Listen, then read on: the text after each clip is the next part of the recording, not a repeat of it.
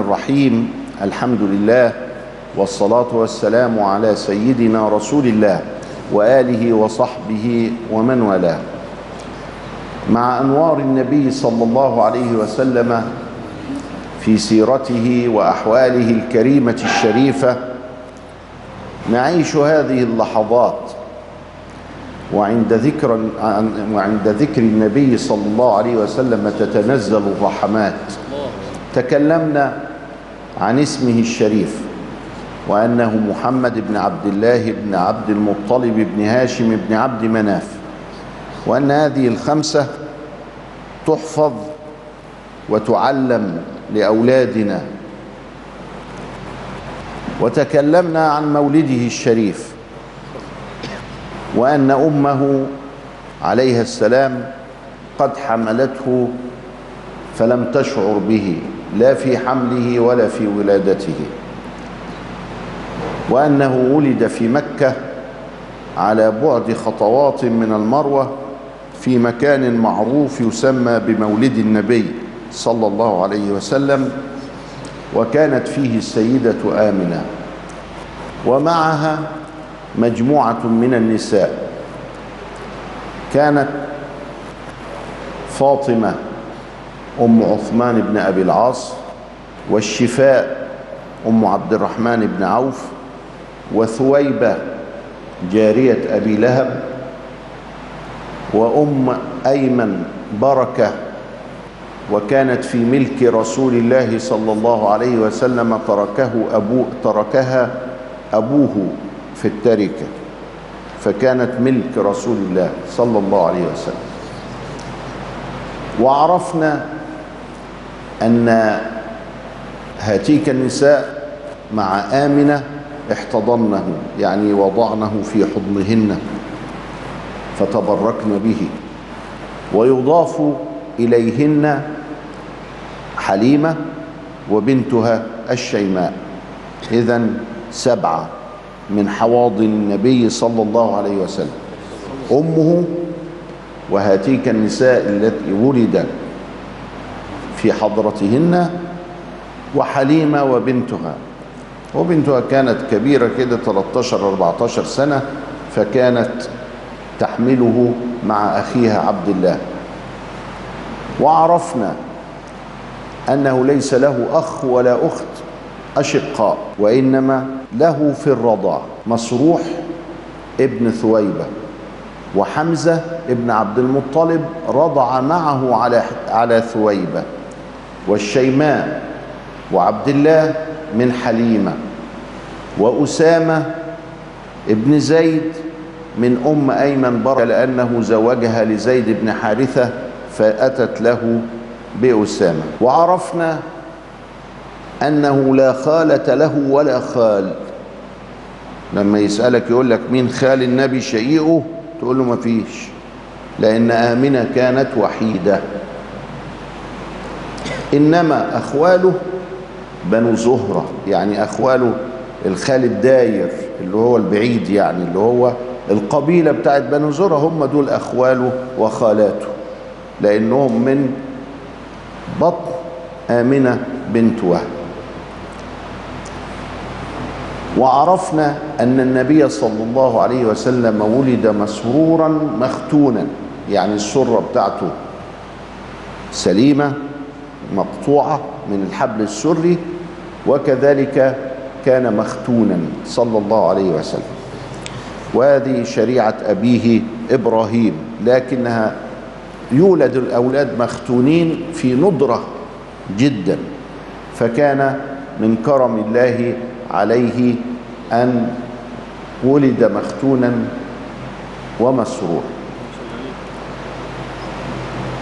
وأن حليمة أخذته في الهواء النقي في مضارب بني ساعدة فتربى هناك وحدث له هناك حادث. رآه وشاهده عبد الله أخوه من الرضاعة ابن حليمة. وذلك أنه رأى أن رجالا أتوا وأخذوه. فشقوا صدره الشريف. وملأوه بشيء كان في طست طست اللي هو الطشت. إناء كده زي الطشت كده. ففر الولد عبد الله وذهب إلى أبيه وأمه حليمة وزوجها وقال لهما أخذ أخي. يعني في ناس خطفوه. خافت حليمة لأنه ده أمانة عندها ومسؤولية. فذهبت فوجدته ممتقع اللون يعني في كده خضة مخضوض من اللي بيحصل ده. ووجدته على حاله وكانت ال... الناس مشيت. والناس دي كانوا جبريل. وكان هذا حادثة شق الصدر. وفي شق الصدر تكرر بعد ذلك مرتين. مرة قبل الإسراء ومرة أخرى. وشق الصدر يتكلم عنه علماء المسلمين بأنه تهيئة لهذا الطفل الوليد ليتحمل الجهد البليغ الذي فعله لأنه كان حاجة غريبة يعني. في غار حراء في قيام الليل وكان قيام الليل فرضا عليه. لابد أن يقوم الليل وليس نافلة كما هو في حقنا. في الصيام الذي كان يصومه حتى إنه كان يصل بين يومين ويقول إنما أبيت عند ربي يطعمني ويسقين في رحلة الإسراء والمعراج رحلة الإسراء والمعراج دي مجهدة للغاية لأن طبقات الجو فيها ضغط وهذا المفروض أن الجسم البشري لا يتحمله هكذا. فكيف يتحمل هذا؟ ثم في الوحي. فكان إذا نزل عليه الوحي وهو على دابة جمل قوي الجمل ينخ من من مما يحدث في جسده من تلقي الوحي. إذا دي عملية مجهدة للغاية ولذلك كان شق الصدر. في بعض الروايات أن شق الصدر ده كان هدفه نزع نصيب يعني نزع نصيب الشيطان من قلبه. والناس بتفهم العبارة دي على ظاهرها كده. إنه كأن قلب رسول الله فيه يعني حتة زي ما هو موجود عندنا. يعني تسمع الشيطان ولا كذا إلى آخره. لكن أهل الله قالوا لا دي مش معناها كده. ده قلبه كله رحمة. صلى الله عليه وسلم. وهذا هو الجزء من الرحمة الذي كان يخص الشيطان يا سيدي الله لا اله الا الله يعني لو ما عملوش كده كان هو هيرحم الشيطان. وقد كان في أمتنا من أولياء الله من رحم الشيطان والعياذ بالله تعالى. تعال أنت يا ولي بتعمل إيه؟ قال ما هو أنا برحم كل المخلوقات بما فيهم يعني إبليس. قلنا له شوف العبط بقى شو أهو ده عبط بقى. أنت أيوة ولي وطيب وكل حاجة في أمانة الله بس ده غلط. لأن الولي مش معصوم. الولي ده راجل بيتقي الله. ومن تقواه لله فكر إن رحمة الشيطان من ضمن. خطأ. يقع فيه. لكن النبي صلى الله عليه وسلم لم يفعل ذلك. وأخرج الله من قلبه الرحمة لمن لم يرحم هو. سبحانه وتعالى. لأن الله الحكيم لم يرحم إبليس بعد كل طغيانه هذا. وفي التراث الإسلامي أشياء تفهمك هذه هذا المعنى. هل يمكن واحد يرحم إبليس؟ ويقال إن سيدنا موسى ظهر له إبليس. وقال له يا موسى أنت كريم الله. ومش هنخلص من الحكاية دي بقى. أنا في النار وخالد فيها أبدا وأقعد أوسوس للخلق. يعني ما كلم ربنا يعفو عني ونخلص بقى. ما يبقاش فيه شيطان ولا حاجة. قال له والله فكر. وذهب يناجي ربه. وقال له يا رب يعني إبليس يعني أنت بتعفو عن الجميع. اعفو عن إبليس. ما يجراش حاجة. ولله الحجة البالغة. قال له ما فيش مانع. الرواية كده الأثر كده. ما فيش مانع يا موسى. هو طردناه ليه؟ من الحضرة القدسية ومن كذا وكذا لأنه ما سجدش الآن. خلاص يروح يسجد لقبره. قبره في الحتة الفلانية أهو ويروح يسجد ليه؟ وينتهي الأمر. ونعفو عنه. فموسى رجع فرح لإبليس وقال له جالك الفرج. ربنا سبحانه وتعالى عرفني مكان قبر. آدم هتروح ما فيش حاجة. هتسجد يعفى عنك ونخلص من الحدوتة زي ما انت قلت بالظبط. قال له يا أخي شوف الغتاتة. بقى أنا ما سجدتلوش وهو حي.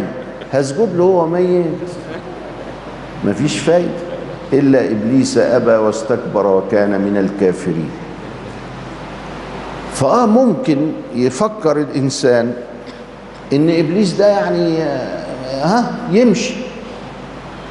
سيدنا النبي بقلبه الرحيم كان ممكن يحصل كده. فشالوا له نصيب رحمة رحمته لإبليس شالوها. فما بقى, بقى رحيم كل قلبه رحمة بس ما فيش بند إبليس. فكان كاملا مكملا. فشق الصدر له فوائد كثيرة.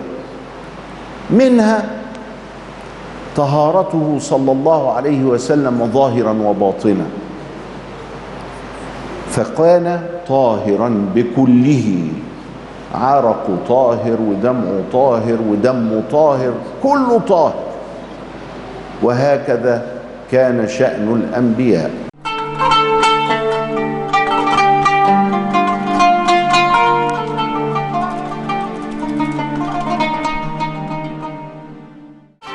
الله الرحمن الرحيم الحمد لله والصلاة والسلام على النور الأتم محمد بن عبد الله صلى الله عليه وآله وسلم والحمد لله الذي جعلنا مسلمين سيدنا النبي صلى الله عليه وسلم نشأ في مكة وعاش هناك وكان هادئ النفس حكيما منورا. حتى إنه في شبابه كانوا قد هدمت الكعبة فأرادوا بناءها. الكعبة سبعة وعشرين دراع. الدراع تقريبا اتنين وأربعين سنتي. لما تضرب 42 سنتي يعني زي نص متر كده قوم تطلع 13 ونص. وفعلا ارتفاع الكعبة دلوقتي 13 13 إلا حاجة زي كده. وأضلاع الكعبة كذلك هي متفاوتة. يعني أضلاع الكعبة في ضلع 13 وضلع 11 ونص وضلع 12 وشوية وضلع 13 تاني وهكذا ما هياش مستوية. وارتفاعها برضه في الحدود ديت 27 دراع أيام الجاهلية كانت تسعة بس كانت تلت. أيام الجاهلية ما كانتش كاملة كده دي كانت على التلت. فالتلت ده تقريبا يجي لغاية الباب. يجي لغاية الباب كده. وبعدين لما جت اتهدت وأرادوا بنائها راحوا مزودين تسعة كمان وعملوا الباب. فبقت تسعة وتسعة 18 فقصرت بهم النفقة الحلال فأخرجوا حجر إسماعيل منها. يعني هي الأول الإنشاء الأول كانت تسعة وكان حجر إسماعيل داخل.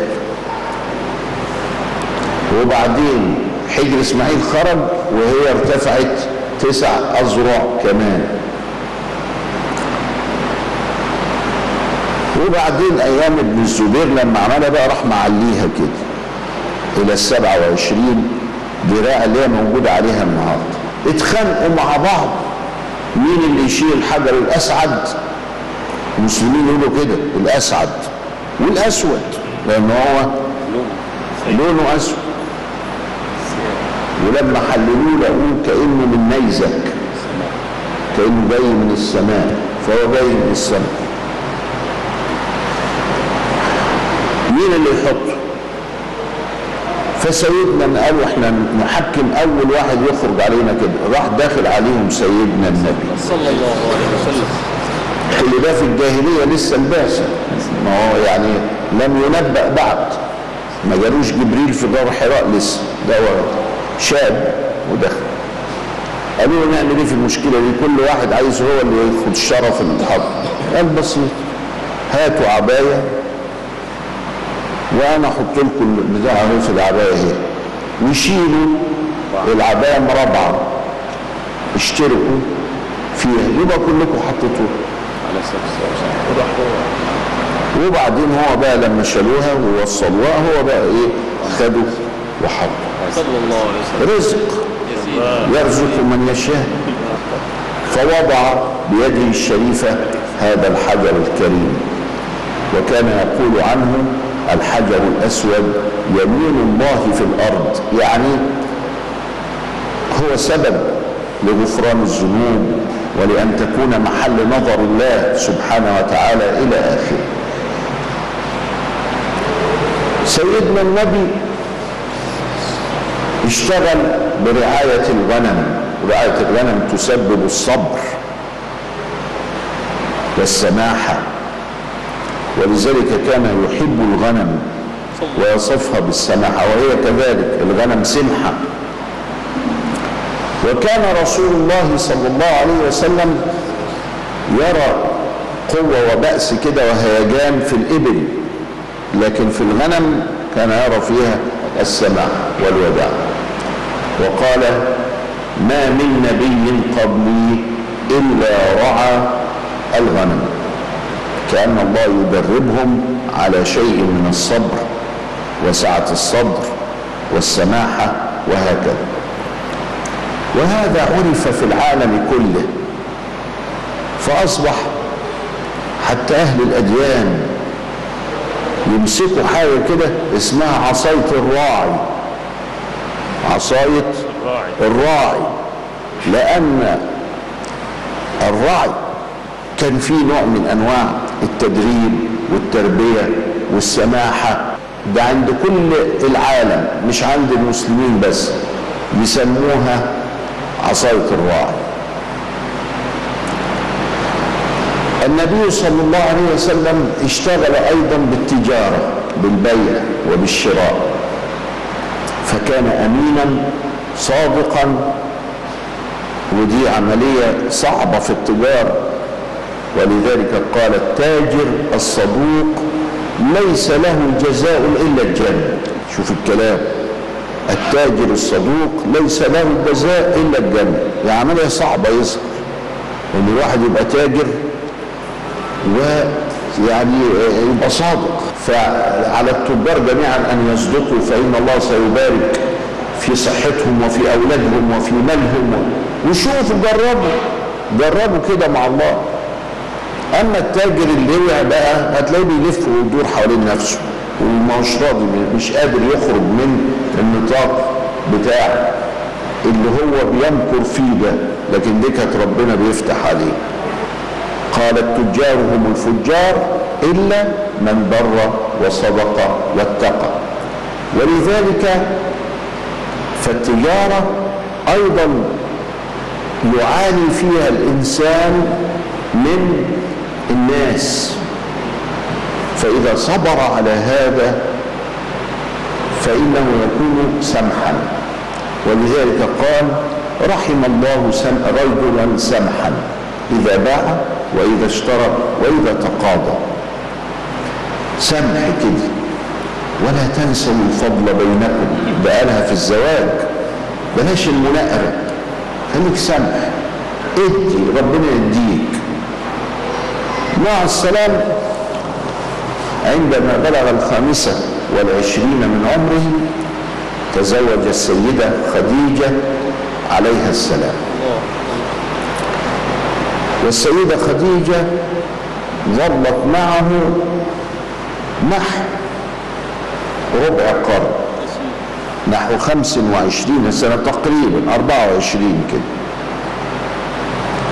لأنها ماتت في عام الحزن. الذي مات فيه أبو طالب وماتت فيه السيدة خديجة ورده أهل الطائف فكان عاما شديدا فكتب الله له الهجرة بعدها من مكة وقال ألا إنك أحب أرض الله إلي ولولا أن أهلك أخرجوني منك ما خرجت. وطنية حب البلاد اللي هو فيها النبي كان بيحب بلده. وكل واحد ينبغي إن هو يحب بلده. سيدنا النبي صلى الله عليه وسلم تزوج السيدة خديجة بنت خويلد. وهي مخلفة هند بن أبي هالة. فهند بن أبي هالة تربى في بيت النبي. نسميه ربيب النبي يعني النبي هو اللي رباه. ولذلك أوصف سيدنا المصطفى ورد عن سيدنا هند بن أبي هالة وكانت السيدة خديجة أول من أسلم. يا حبيبي.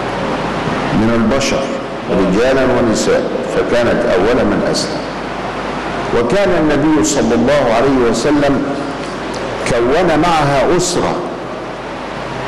يعني خلف منها أربع بنات وولدين عبد الله والطاهر والبنات ودول ماتوا وهم صغيرين والبنات زينب ورقية وأم كلثوم وفاطمة.